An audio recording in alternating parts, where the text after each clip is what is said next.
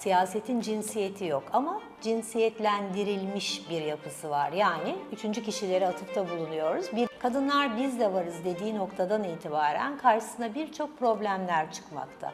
Bu problemlerin içerisinde ataerkil bakış açısı var. Kadının özel alan içerisinde bırakılması var. Eğitimle ilgili eksiklikleri var. Kadın ile erkeği eşit konuma getiremezsiniz. O fıtrata terstir. Çünkü fıtratları farklıdır. Kadınsa o da iffetli olacak. Mahrem namahrem bilecek. Herkesin içerisinde kahkaha atmayacak. Bütün hareketlerinde cazibedar olmayacak. İffet, iffetini koruyacaksın.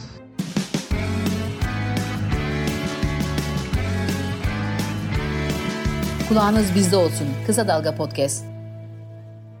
Bugün dünyada 22 ülkeyi ve 650 milyon insanı kadınlar yönetiyor.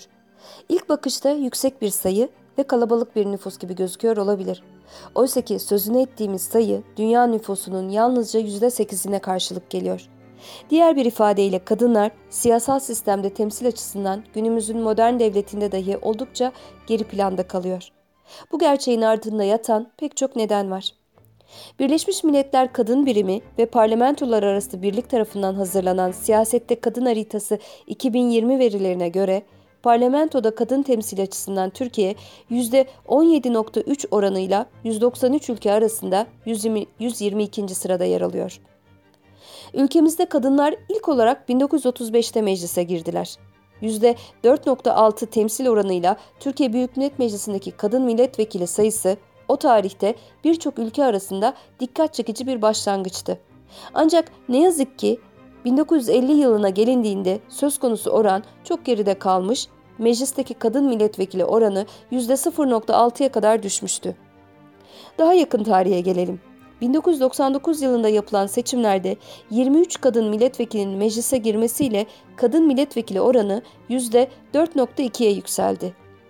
Bir önceki seçim dönemi olan 1995'teki %2.4'lük orana kıyasla meclise giren kadın milletvekili sayısındaki yükseliş çarpıcı olmasa da olumluydu.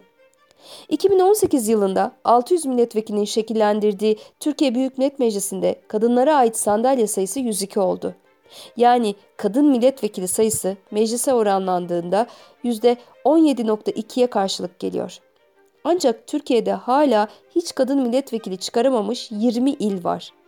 2019 yerel seçimleri özelinde düşünüldüğünde ise 30 Büyükşehir Belediyesi'nden yalnızca 3'ünde kadın belediye başkanı görev yapıyor. Ancak net olan gerçek şu ki kadınların siyaset arenasındaki görünürlükleri neredeyse yok denecek kadar az ve yukarıda söz ettiğimiz sayılar bize siyasetin cinsiyetlendirilmiş yapısından başka bir şey anlatmıyor. Ve ne yazık ki bu dünya geneli içinde kullanılabilecek bir saptama. Hala alınması gereken oldukça uzun bir yol var önümüzde. Peki kadınlar neden aday değil de seçmen oluyor? Parti başkanlarının kadınlara çok daha az e, değer vermesinden kaynaklanıyor. Bu hangi parti olursa olsun aynı şekilde. Kadınların e, normal hayatları var, çocukları var. Onları, onlardan e, o e, tempoya giremeyeceklerini düşündüklerini düşünüyorum. O tempoyu kaldıramadıkları için e, girmek istemediklerini düşünüyorum. Kadınlar parlamentoda temsil edilmiyorlar. Ve peki siyasi partilerde durum ne? Ben Esra Koçak Mayda. Podcast serimizin bu bölümünde muhafazakar partilerdeki kadın temsiline, kadın kotasına yaklaşımlarına baktık. AKP, DEVA, Saadet ve Gelecek Partilerinin kadın yöneticilerine feminist örgütlerle bir masa etrafında toplanıp toplanmadıklarını sorduk. Saadet Partisi ile başlayalım.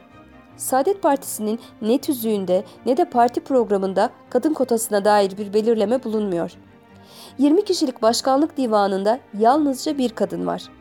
Partinin diğer bir önemli karar merci olan 75 kişilik Genel İdare Kurulu'nda ise bu sayı 6.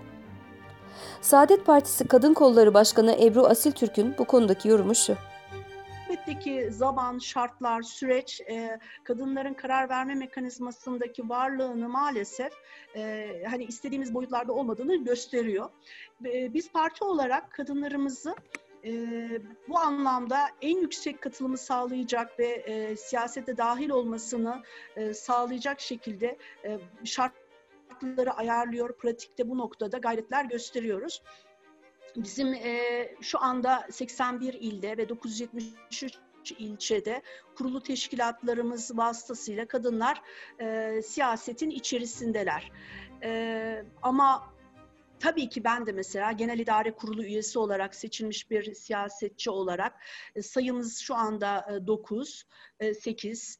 E, daha da artmasını e, isterim. Daha da çok olsun isterim. Ama ölçü yani ama diyerek bunu ben farklı bir noktaya taşımak istemiyorum. Fakat e, dikkat edilmesi gereken şey sadece biraz evvel sizin e, cümlelerinizin arasında e, göründü e, geçtiği gibi bir vitrin ya da görselliğin ötesinde ya da yaptım oldum e, mantalitesinin dışında kadınların hakikaten donanımlarıyla, vasıflarıyla, birikimleriyle e, kendisini e, ifade etmesi, bu hizmeti gerçekleştirebilmesinin yolunun açılmasıdır. Yani potansiyelinin değerlendirilmesidir aslında. Türkiye'de özellikle tarihsel olarak geriye dön, dönüp baktığımız zaman e, bir e, milli görüşçü kadınlar diye bir literatüre girmiş bir e, kadın kısmı var. Evet. Yani özellikle Refah Partisi'nin Refah Partisi'nin siyasal hayattaki başarıları noktasında milli görüşçü kadınların, refahlı kadınların çalışması, gayreti hani göz ardı edilemez. Bu hepimizin bir başarısıdır. Yani kadınların varlığının bir göstergesidir. AKP'den koparak muhafazakar kanatta kendine yer bulmaya çalışan, kendilerini özgürlükçü demokrat olarak tarif eden Gelecek Partisi'nde de durum ne yazık ki farklı değil. Kadınlara seçme ve seçilme hakkı görece erken bir tarihte tanınmasına rağmen kadınlar bugüne kadar siyasette hak ettikleri temsil oranına ulaşamamışlardır. Temsilde adalet ilkemizden hareketle siyasette kadınların katılımı ve temsili teşvik edilecektir deniyor parti programında ama tüzükte kadın kotasına yer yok. 19 kişiden oluşan başkanlık kurulunda yalnızca 4 kadın var. 60 kişilik yönetim kurulunda ise 16 kadın kendine yer bulabilmiş. Gelecek Partisi kadın politikalarından sorumlu Genel Başkan Yardımcısı Habibe Çiftçioğlu Başar'a soruyoruz neden kadın kotası yok diye. Biz de e, kotayı tercih etmiyoruz. Kota hani işte yok işte bizim partimiz kadın kotası en yüksek olan parti gibi bir e, acziyet yaşamayı arzu etmiyoruz. Ama Kotaya evet şu aşamada belki Türkiye genelinden bahsediyorum partimiz açısından. Biz bu konuda çok şanslıyız. Sayın Genel Başkanımızın bu konudaki ufku ve bakışı çok geniş. Çok daha iyi olacak. Yeterli bulmuyoruz. Kendisi de söylüyor, biz de söylüyoruz. Evet yani kota kalksın dediğimizde kazanılmış hakların da kaybedileceğini tamamen kadınların görmezden gelinebileceği endişesi yaşadığımız için şu aşamada kotayı korumayı arzu etmekle birlikte nihai hedefimiz asla bu değil. Çünkü lütfedilmiş e, alanlarda çalışmak istemiyoruz. Hak ettiğimiz alanlarda çalışmak istiyoruz. Liyakatimize göre gelip geldiğimiz yerde de başarılarımızı ilerlemeyi arzu ediyoruz. Başarılı olan kadınla aynı seviyede başarılı olan erkek arasında tercih cinsiyete göre lütfen yapılmasın. Diplomalarımızda, belgelerimize ve liyakatlerimize göre yapılsın arzu ediyoruz. Peki yeni doğan Deva Partisi'nde kadın temsiliyeti ne durumda?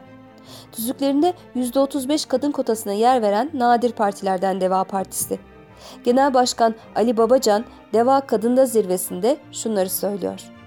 Biz partimizdeki kadınları ana kademelerin yardımcı güçleri ya da seçimden seçime sahaya sürülecek yedek kuvvetler olarak görmeyeceğiz dedik. Bu yüzden ayrı bir kadınlar kolu da kurmadık. Siyasi partilerin çoğunda var biliyorsunuz. Kadın kolları var. Biz kurmadık. Eğer yeni bir siyasi kültür oluşturmak istiyorsak partimizdeki kadınlarla mutlaka her kademede yan yana çalışmaya ihtiyacımız var dedik. Bunun için bütün parti organları için yüksek cinsiyet kotaları koyduk.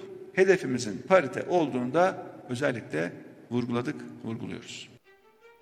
Deva Partisi kadın politikalarından sorumlu Genel Başkan Yardımcısı Elif Esen ise kadının temsiliyeti için aile içindeki kadının güçlendirilmesi gerektiğine vurgu yapıyor.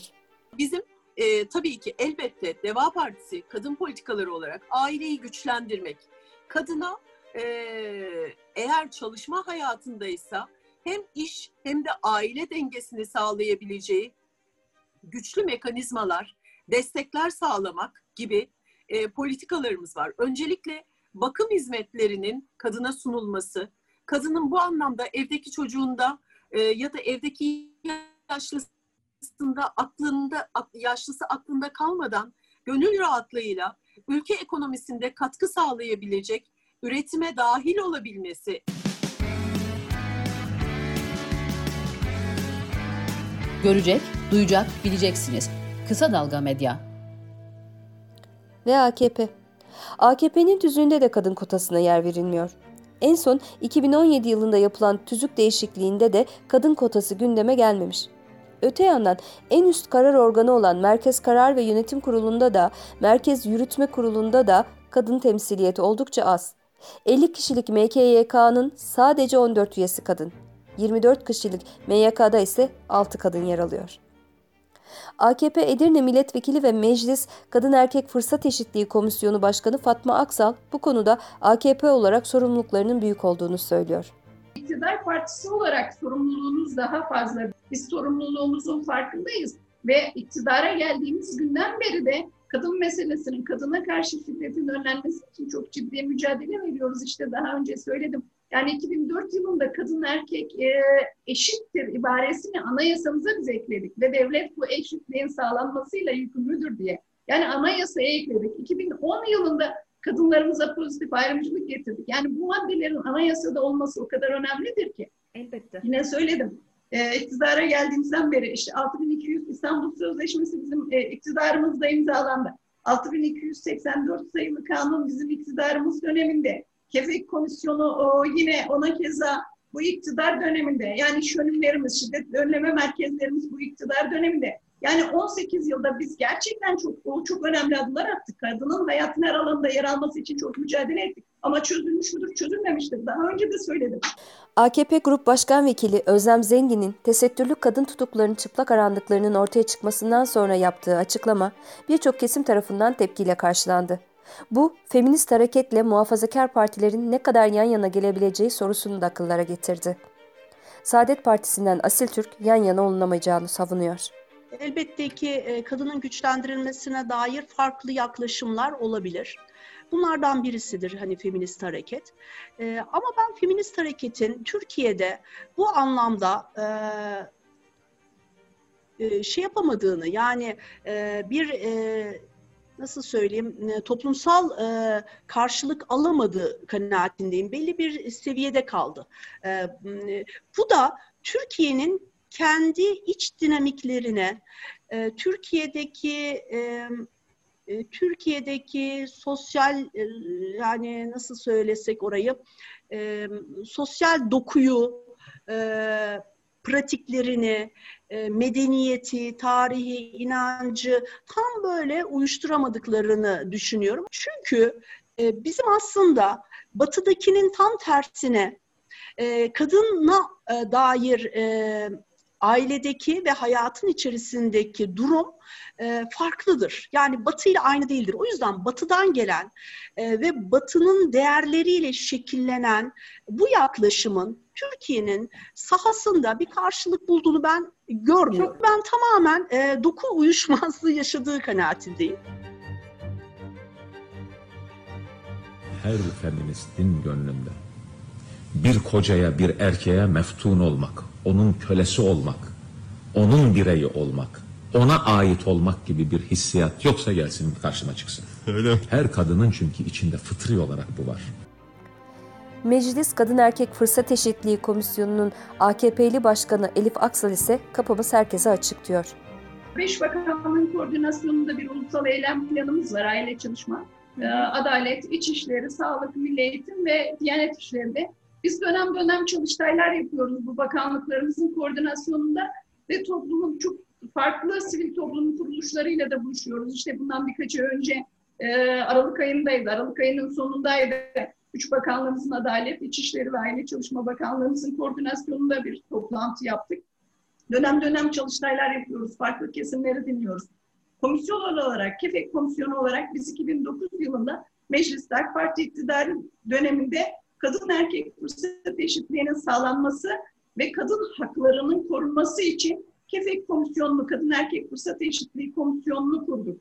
AK Parti iktidar döneminde kuruldu bu ve yasayla kurulmuş çok yetkileri olan bir komisyondur. Bizim kapımız herkese açık. Çok farklı siyasi görüşlerden, çok farklı kadın dernekleri bize geliyorlar. Oturuyoruz, kendileriyle istişare ediyoruz. Bir tane kadının e, burnunun kanamasını bile önleyecek herkesi dinlemeye hazırım. Çok büyük mücadeleyle herkes siyasi farklılıklarını bir kenara koyarsa, çünkü bu siyasi bir mesele daha önce de konuştuk, e, bir tarafa koyarsam ben kadına karşı şiddetin bu kadın meselesi diye konuşulan aslında kesinlikle kadın meselesi değil. Toplumun her kesimini ilgilendiren bir mesele. Bunun da çözüleceğini yani çözüleceğine samimi olarak inanıyorum ama yeter ki samimi olalım. Gelecek Partisi'nde de sık sık kadın örgütleriyle bir araya gelindiği söyleniyor. Gelin bu konudaki çalışmalarını kadın politikalarından sorumlu Genel Başkan Yardımcısı Başar'dan dinleyelim. Politikayı yeniden keşfetmeye de gerek yok. Yıllardır yapılmış çalışmalar var. İnsanlar emek veriyorlar. Bu konuda çok duyarlı, çok donanımlı STK'larımız var. Hepsiyle görüşüyoruz. Hepsinin başkanlarıyla böyle düzenli Zoom toplantılarımız oluyor. Ee, yani geçen gün daha e, Türkiye Kadın Dernekleri Federasyonu Başkanı Canan Gül Hanım'la bir toplantı gerçekleştirdik. E, ellerinde çok güzel dokümanlar var. Kader'le daha önce ziyaret ettik, onlarla görüştük. Yani e, gerçekten bu konudaki çalışan gerek e, gazetecilerle, gerek sivil toplum kuruluşlarının başkanlarıyla ve onların mensuplarıyla sürekli iletişim halindeyiz. Aslında kimin yaptığına, neye baktığına, hangi siyasi görüşte olduğuna bakmıyoruz. Fayda üretmek üzere yola çıktık. Doğru olan her şeyin, doğru gördüğümüz kadın adına iyi olacağını düşündüğümüz her çalışmanın arkasındayız ve destekçisiyiz. Altına imza atmaktan da çekinmiyoruz. Onun için de paydaşlarımız bu konuda çalışan herkesiz. Ve son olarak Deva Partisi. Tarihimize şöyle bir baktığımızda e, aslında ülkemizin kadın hareketinin e, en güçlü olduğu topraklar olduğunu görüyoruz. Hatırlayın daha Cumhuriyet ilan edilmemişken bile e, Nezihe Muhittin ve 13 kadın arkadaşı ilk kadın şurasını toplamışlardı. Daha 1800'lü yılların sonu 1900'ün başlarında. O günlerde gelen tüm baskılara, itirazlara rağmen kadınlar yine seslerini yükseltmeye e, o tarihte de devam ediyorlardı aslında. Bugün baktığımızda kadınlar yine aslında haklı mücadelelerini o tarihten sonra da devam ettiriyorlar. Ve e, kadın hareketlerinin bugünkü geldiğimiz noktada e, çok büyük e, etkisi ve emeğinin olduğunu düşünüyorum. Kaldı ki kendim de e, bir e, kadın hareketi e, e, gönüllüsü olarak yıllardan beri aslında bu alanda ben de e, mücadele veriyorum. E, kadınların hiçbir ayrımcılığa uğramadan e, eşit haklardan e, faydalanmaları için e, ama en temel eğitim hakkından ve e, toplumda e, yer almaktan sonrasında da elbette karar mekanizmalarında e, eşit haklarda ve temsiliyette olmasından e, yola çıkarak mücadelemi sürdürüyorum bugün hala daha. E, ama bugün e, bir sivil toplum e, temsilcisi olarak değil, e, siyasi e, bir e, aktör olarak. Kadının hak ve özgürlüklerinden tutun, e, toplumsal barış ve refahta e, kadının karar mekanizmalarındaki önemi ve iklim krizi ve dijital dönüşümün yaşandığı bu günlerde e, kadının e, iyileştirici e, gücü üzerine e, konumlanmış üç ayrı oturum vardı. Biz bu programımız için e, Türkiye'deki e, tüm kadın e, örgütlerine e, davet gönderdik. E, bu davete e, bir kısmı icabet ettiler sağ olsunlar. Her zaman kapımız e, kadın örgütlerine açık. E, bizler de onların kardeşleriyiz. Kadın sorunlarına, meselelerine çözüm üretmek, Türk kadınını olduğu hak ettiği yere getirmek, çok daha iyi noktalara getirmek için de gayret göstereceğiz. E, projeler e, ve çözüm üretecek politikalar e, yapmaya gayret edeceğiz. E, inşallah e, onların da destekleriyle kadın hareketinin güçlü e, olduğu ve desteğinin de bu anlamda büyük kazanımlara e, sebep olacağını asla göz ardı etmiyoruz. Her zaman kapımız açık. Onların davetlerine de her zaman icabet ederiz.